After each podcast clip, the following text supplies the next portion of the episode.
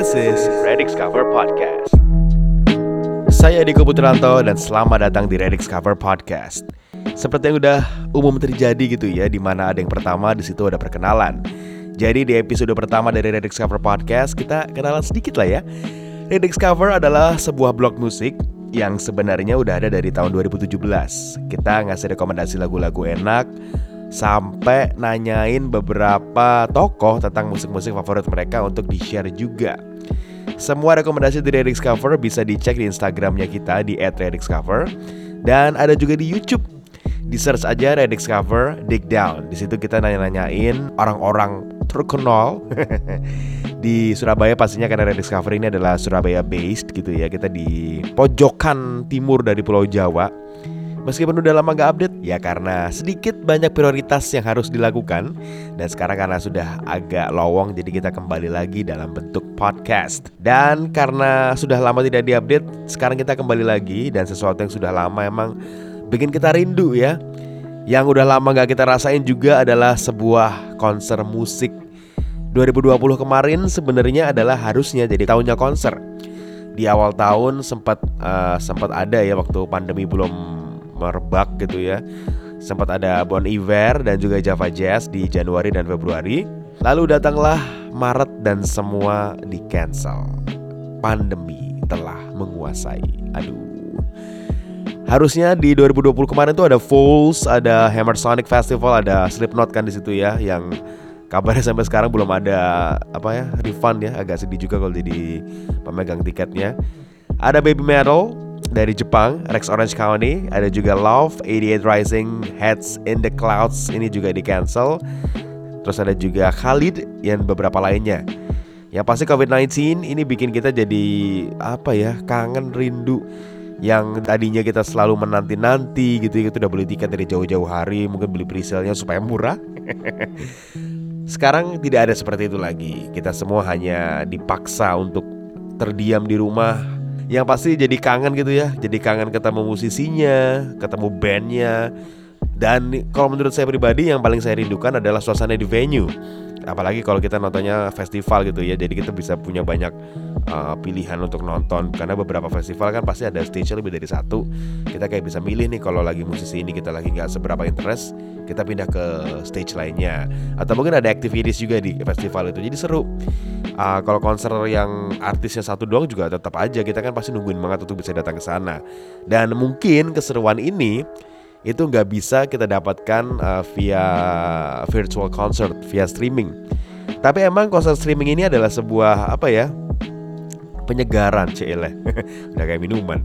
Adalah sebuah uh, pilihan utama jadinya. Kalau dulu cuma alternatif gitu ya, karena setahu saya banyak terutama DJ sih setahu saya. Jadi kayak musik-musik uh, house, musik-musik underground, elektronik gitu, mereka sering bikin streaming gitu ya, live streaming. Jadi mereka nge-DJ bikin live set di apa di videoin tepatnya di streamingkan gitu ya jadi kita bisa lihat nah sekarang nggak cuma DJ doang tapi hampir semua musisi mau gak mau ya dalam tanda kutip harus uh, hadir via live streaming. Yang pasti hal ini juga mengobati kerinduan para fans gitu ya. Kita jadi bisa lihat hal yang terbaru karya terbaru dari si artis yang kita suka. Dan ya untuk artisnya sendiri juga mereka butuh pemasukan pastinya ya. Meskipun beberapa juga uh, digratisin. Tapi digratisin pun pasti banyak sponsor gitu kan ya. Ada beberapa juga yang ditiketin gitu ya. Saya sendiri pribadi nggak terlalu banyak nonton konser virtual karena ya itu tadi nggak terlalu menemukan kebahagiaan di sana. Tapi tetap uh, seru juga sih sebenarnya. Konser virtual yang sempat saya nonton kayaknya cuma Niki ya Niki Zevanya. Waktu itu nontonnya di Kaskus Video kalau nggak salah which is harusnya di YouTube ada gitu. Tapi di Indonesia kayaknya haknya dibeli oleh Kaskus. Dan which is a good thing gitu ya buat artisnya. Jadi mereka bisa tetap hidup kasarannya dari musik mereka. Dan Architects juga sempat nonton di Oral Albert Hall ya keren sih. Jadi kayak konsep banget. Emang beberapa keuntungan dari nonton konser streaming yaitu sih kita nggak perlu ribet-ribet ngendang-ngendang kepala gitu ya biar tidak terhalang oleh penonton di depan kita dan nggak capek berdiri dan kita bisa ya lebih santai di rumah. Tapi itu tadi sih karena tidak live tidak di depan mata jadi ya apa bedanya sama nonton YouTube? Itu menurut saya pribadi. Tapi kalau menurut teman saya yang bernama Dunde Yuwono yang teman saya lama dulu dia di radio dan juga uh, sekarang menjadi salah satu bagian dari musik blog ternama juga di Indonesia Creative Desk. Saya sering banget lihat dia di social media itu nonton virtual concerts. Jadi di storynya itu dia kayak lagi nonton apa, jadi yang di syuting itu laptopnya gitu. Jadi langsung aja kita tanyain uh, Dunde Yuwono dan konser streaming. Halo, aku Dunde Yuwono. Kalau untuk pengalaman uh, nonton konser virtual yang unik itu uh, pertama kali nonton yang punya Z yaitu di Twitch. Dia ada semacam konser konser yang udah lama sih cuman di uh, rilis ulang di Twitch. Terus ada konsernya Kaigo dia uh, main di salah satu rumah mewahnya gitu di Norway kalau nggak salah. Itu kayak di pulau keren banget. Jadi dia sambil mainin hit hitsnya terus yang bener-bener live banget uh, konser virtualnya adalah Lawson. Dia sempat bikin uh, konser comebacknya dia. Itu uh, secara live jadi dia benar-benar main dan uh, ada lighting ada sound dan ada full band. Itu adalah salah satu live performance yang immersive yang menurutku paling oke okay, dan karena dibawakan secara live. Terus yang baru-baru ini menurutku ada juga konser paling indah virtually yang uh, pernah aku tonton adalah konser dari Jeremy Zucker dan juga si Chelsea Cutler yang baru-baru aja merilis Brand 2 kolaborasi EP-nya mereka. Mereka bikin semacam konser yang pemandangannya cuman kayak semacam main di backyard tapi cuman uh, gitar, uh, piano, pokoknya keren. Begitu, tapi memang tidak ada yang bisa mengalahkan konser secara langsung ya. I hope one day kita bisa kembali nonton konser. Ya, semoga. Tapi emang kalau diceritain Dude tadi, berarti emang bener ya kayaknya si uh, eh, DJ DJ itu mungkin lebih punya keuntungan untuk menggelar sebuah virtual concert. Karena dalam tanda kutip mereka nggak ribet gitu ya. Lebih ke nyolokin turntable sama DJ set aja dikonekin ke perangkat untuk memvirtualkan konser mereka menstreamingkan. Jadi mungkin akan lebih ribet kalau full band. Kayak si Lawson tadi yang diceritain Dude juga. Mungkin uh, si Lawsonnya beneran main real time ya. Jadi orang-orang menonton Lawson yang perform live di saat itu juga. Jadi mungkin ada interaksinya gitu ya lebih immersif. Karena beberapa live uh, virtual concert itu dalam tanda kutip tidak live. Tapi mereka sudah pre-recorded gitu ya sudah diproduksi sudah syuting dan segala macam pada hari H. Semua pemegang tiket semua pemegang akses tinggal nonton gitu ya jadi tidak tidak ada interaksi gitu ya ada juga tadi yang disebutin sama si dunia adalah Jeremy Zucker dan juga Chelsea Cutler yang dia sebut sebagai virtual concert paling indah. Ya ini juga sih. Uh, virtual concert juga kelebihannya adalah karena mereka venue-nya mungkin tidak mempertimbangkan kenyamanan penonton, which is karena penontonnya sudah ada di depan layar masing-masing. Jadi mereka bisa bebas mengkreasi panggung mereka tanpa harus mikirin. Nanti penontonnya nggak bisa lihat bagian sini. Nanti apa namanya penonton panggungnya jadi makan tempat penonton jadi dikit nggak gitu. Jadi mungkin itulah keuntungan dari musisi yang bisa menggelar konser virtual. Meskipun sekali lagi dari sudut pandang penonton Mungkin ini yang namanya virtual concert Gak bakal memuaskan konser beneran ya. Tapi sebenarnya juga konser streaming ini pastinya berjasa untuk menghidupi ekosistem industri dunia hiburan. Konser virtual yang paling revolusioner mungkin adalah yang sempat saya baca-baca adalah Travis Scott yang perform live di Fortnite ya, di game yang kabarnya juga disebut sebagai event dalam game tersukses sepanjang masa. Jadi gamenya ikutan rame, musisinya juga dapat masukan. Sebuah win-win solution. Social media juga pastinya sangat membantu. Di awal-awal pandemi ya, di bulan Maret April kalau nggak salah, Maret lah paling nggak. Itu sempat banyak musisi yang hadir via live Instagram. Chris Martin, dia bikin live Instagram uh, di depan pianonya, mainin beberapa hits selamanya Coldplay, baca-baca komen orang terus dimainin, keren gitu ya. Jadi kita berasa dekat. Uh, John Legend juga melakukan hal yang sama, perform live di Instagram ditemenin istrinya Mbak Chrissy Taigen yang duduk di sebelahnya pakai anduk doang. Sangat menghibur. Semakin ke akhir tahun gitu ya, eh, pandemi udah berjalan semakin menguasai di mana kita semakin tidak tahu harus ngapain lagi. Live streaming concerts justru semakin level up. Dan tentunya mulai lebih menghasilkan untuk para musisi karena beberapa konser ini bersponsor atau mungkin ada tiket masuknya. Tapi masuk ke mana? kan di depan layar. Jadi ada HTM-nya ya. Konser virtual tersukses secara finansial sekarang ini dipegang oleh BTS yang meraih 19,5 juta US dollar. Epic sih ini menurut saya. Dan kalau begitu keadaannya, apakah yang namanya konser virtual ini akan menjadi masa depan konser musik? Bisa jadi iya. Ini menurut artikel yang ditulis oleh Easy Leak, konser virtual ini bisa menghadirkan pendapatan yang lebih bagi para musisi karena jumlah penonton ini nggak bakal terbatas kapasitas venue. Jadi harga tiket juga bisa ditekan karena uh, yang dijual kan lebih banyak nih.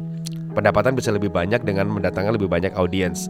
Tanpa harus repot-repot mikirin wah kejual tiket berapa? Misalnya 900 ribu tiket. Kan kalau venue-nya nggak cukup nggak bisa. Nah sekarang nggak karena penontonnya udah memvenuekan rumah mereka sendiri gitu ya. Jadi lebih bisa ditekan harganya karena menjualnya juga bisa lebih banyak Hal ini juga pastinya bakal memacu kreativitas para instrumen pertunjukan musik untuk membuat konser yang lebih imersif dan pastinya bikin audiens semakin berasa dekat dengan musisi idolanya. Dan untuk saat ini, kalau menurut saya pribadi ya, kerinduan akan konser fisik ini masih nggak tergantikan. Dengan segala kemajuan teknologi, dengan segala kreativitas yang disajikan oleh para peng... penyelenggara konser virtual, Menurut saya masih banyak pengalaman yang mungkin gak bakal terjadi kalau kita cuma duduk di depan layar, nonton musik. Kayak yang dialamin salah satu teman saya nih, Bimo, drummer dari band pop punk The Flintstone, barengan saya juga ya. Uh, The Flintstone juga sempat beberapa kali main secara virtual di acara-acara pensi-pensi kampus. Yang kita rasakan beberapa emang kerasa kayak main di depan kamera aja sih Cuma ya karena sudah lama tidak perform kami berasa itu kayak perform beneran aja soal yang menonton menikmati apa moshing juga di depan layar kita nggak tahu yang penting maksimalin aja. Mungkin itu juga yang dirasakan oleh performer-performer dunia. Tapi si Bimo ini punya pengalaman menarik tentang menonton konser yang which sudah lama banget ya. Sedih ya kalau ngomongin live concert kayak been a long time ago. Tapi yang pasti Bimo seorang drummer dari The Flintstone seorang pengusaha sandwich dan juga seorang budak kucing punya pengalaman yang bisa di-share dari menonton konser. Halo, saya Bimo Wit. Jadi pengalaman konser yang paling unik ya, yang kayaknya nggak bakal kejadian lagi tuh dulu pernah saya nonton. Ini konsernya banyak band jadi festival ada di Jakarta. Jadi saya udah ngincer banget pengen nonton festival ini, tapi ternyata tiketnya udah sold out duluan. Nah, ada beberapa band emang pengen banget ditonton tapi karena sold out ya udah jadi kayak ya udahlah mungkin emang belum belum belum rezekinya kali ya. Eh tapi tiba-tiba ternyata band saya menang suatu kompetisi dari sebuah brand, brand rokok gitu. Dan ternyata mereka uh, minta satu perwakilan untuk dikirim ke Jakarta. Uh, akomodasi semua ditanggung. Uh, dikasih uang saku juga waktu itu acara tiga hari per harinya dikasih uang saku.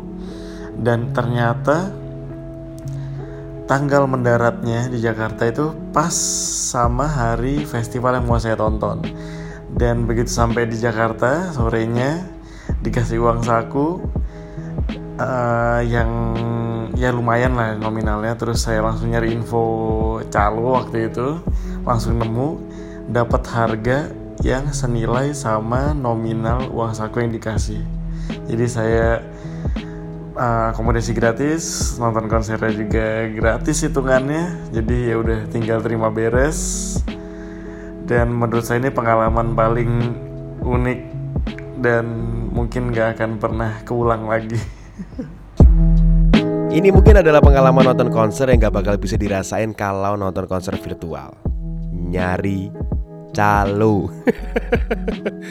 Emang salah satu seninya menonton konser itu adalah beli tiket ya. Karena kapasitas venue kan sering kali terbatas. Jadi ada kemungkinan kita ini kehabisan tiket Jadi kudu cepet-cepetan. Biasanya presale keluar harganya paling murah Itu tuh yang harus diincar gitu ya. Tapi ada beberapa mungkin yang beli tiket tuh nunggu main act-nya keluar. Biasanya ini kalau festival ya Biasanya kan main act-nya artis utamanya itu keluarnya terakhir-terakhir Biar orang-orang itu belinya nanti pas harganya udah mahal. Tapi udah beli tiket pun bisa tetap kecewa karena bisa jadi konsernya batal. Saya sudah mengalami itu. Konsernya molor uh, atau mungkin nunggu di venue harus lama banget karena bela-belain datang lebih awal. supaya bisa dapat spot nonton yang paling strategis. Ini saya dapat cerita dari beberapa teman saya yang nonton Coldplay di Singapura atau di Thailand gitu ya. Mereka itu udah di venue dari jam 12 siang padahal si Coldplay-nya mainnya jam 6 sore apa jam 8 malam gitu. Lama pokoknya di venue udah kayak ah pokoknya yang penting kita masuk dulu nontonnya paling enak gitu. Nggak apa-apa nunggu lama-lama. Tapi itulah seninya ya. Apalagi kalau misalnya nonton konser di luar kota ada yang namanya booking hotel transport jadi ini udah pasti adalah pengalaman yang gak bakal didapat kalau nonton konser streaming. Yang basically tinggal bayar terus dapat akses eksklusif Yang nantinya tinggal dibuka di device gitu ya. Bisa di handphone, di PC atau smart TV mungkin. Jadi lebih gampang dan gak keringetan. Tapi ya mungkin ya untuk saat ini keribetan nonton konser live yang mungkin kita rindukan. Jadi kapan kira-kira kita bisa nonton konser fisik lagi? Sebuah project bernama Restart 19 ini sempat bikin studi ya di pertengahan tahun lalu di bulan Agustus. Mereka membuat studi dengan mengadakan konser di Leipzig Arena di Jerman yang menerapkan protokol kesehatan yang ketat dengan menyemprotkan hand sanitizer khusus dan tracking device yang digunakan untuk merekam pergerakan penonton selama menonton konser dan pastinya juga penonton yang datang ini adalah undangan ya. Jadi mereka ditawarkan ditawarin untuk uh, nonton konser ini ikut dalam ikut serta dalam eksperimen ini. Mereka diharuskan untuk swab dan hasilnya harus negatif. Di dalam juga harus pakai masker. Dan konsernya pun dibagi dalam tiga sesi. Sesi pertama dilakukan tanpa social distancing, dihadiri oleh 1.500 penonton, normal aja semua, tapi dengan menggunakan masker. Sesi kedua dihadiri separuh dari jumlah penonton tadi, dan sesi ketiga dilakukan dengan protokol ketat di mana penonton diharuskan duduk nontonnya, nonton konsernya dengan jarak antar penonton adalah 5 meter. Hasil dari eksperimen ini dipublish oleh Dr. Michael Genko yang seorang bagian dari Martin Luther University Hal Wittenberg di New York Times. Jadi dipublishnya di sana dan dia bilang kalau resiko penyebaran COVID-19 di konser dengan protokol yang ketat adalah sangat rendah.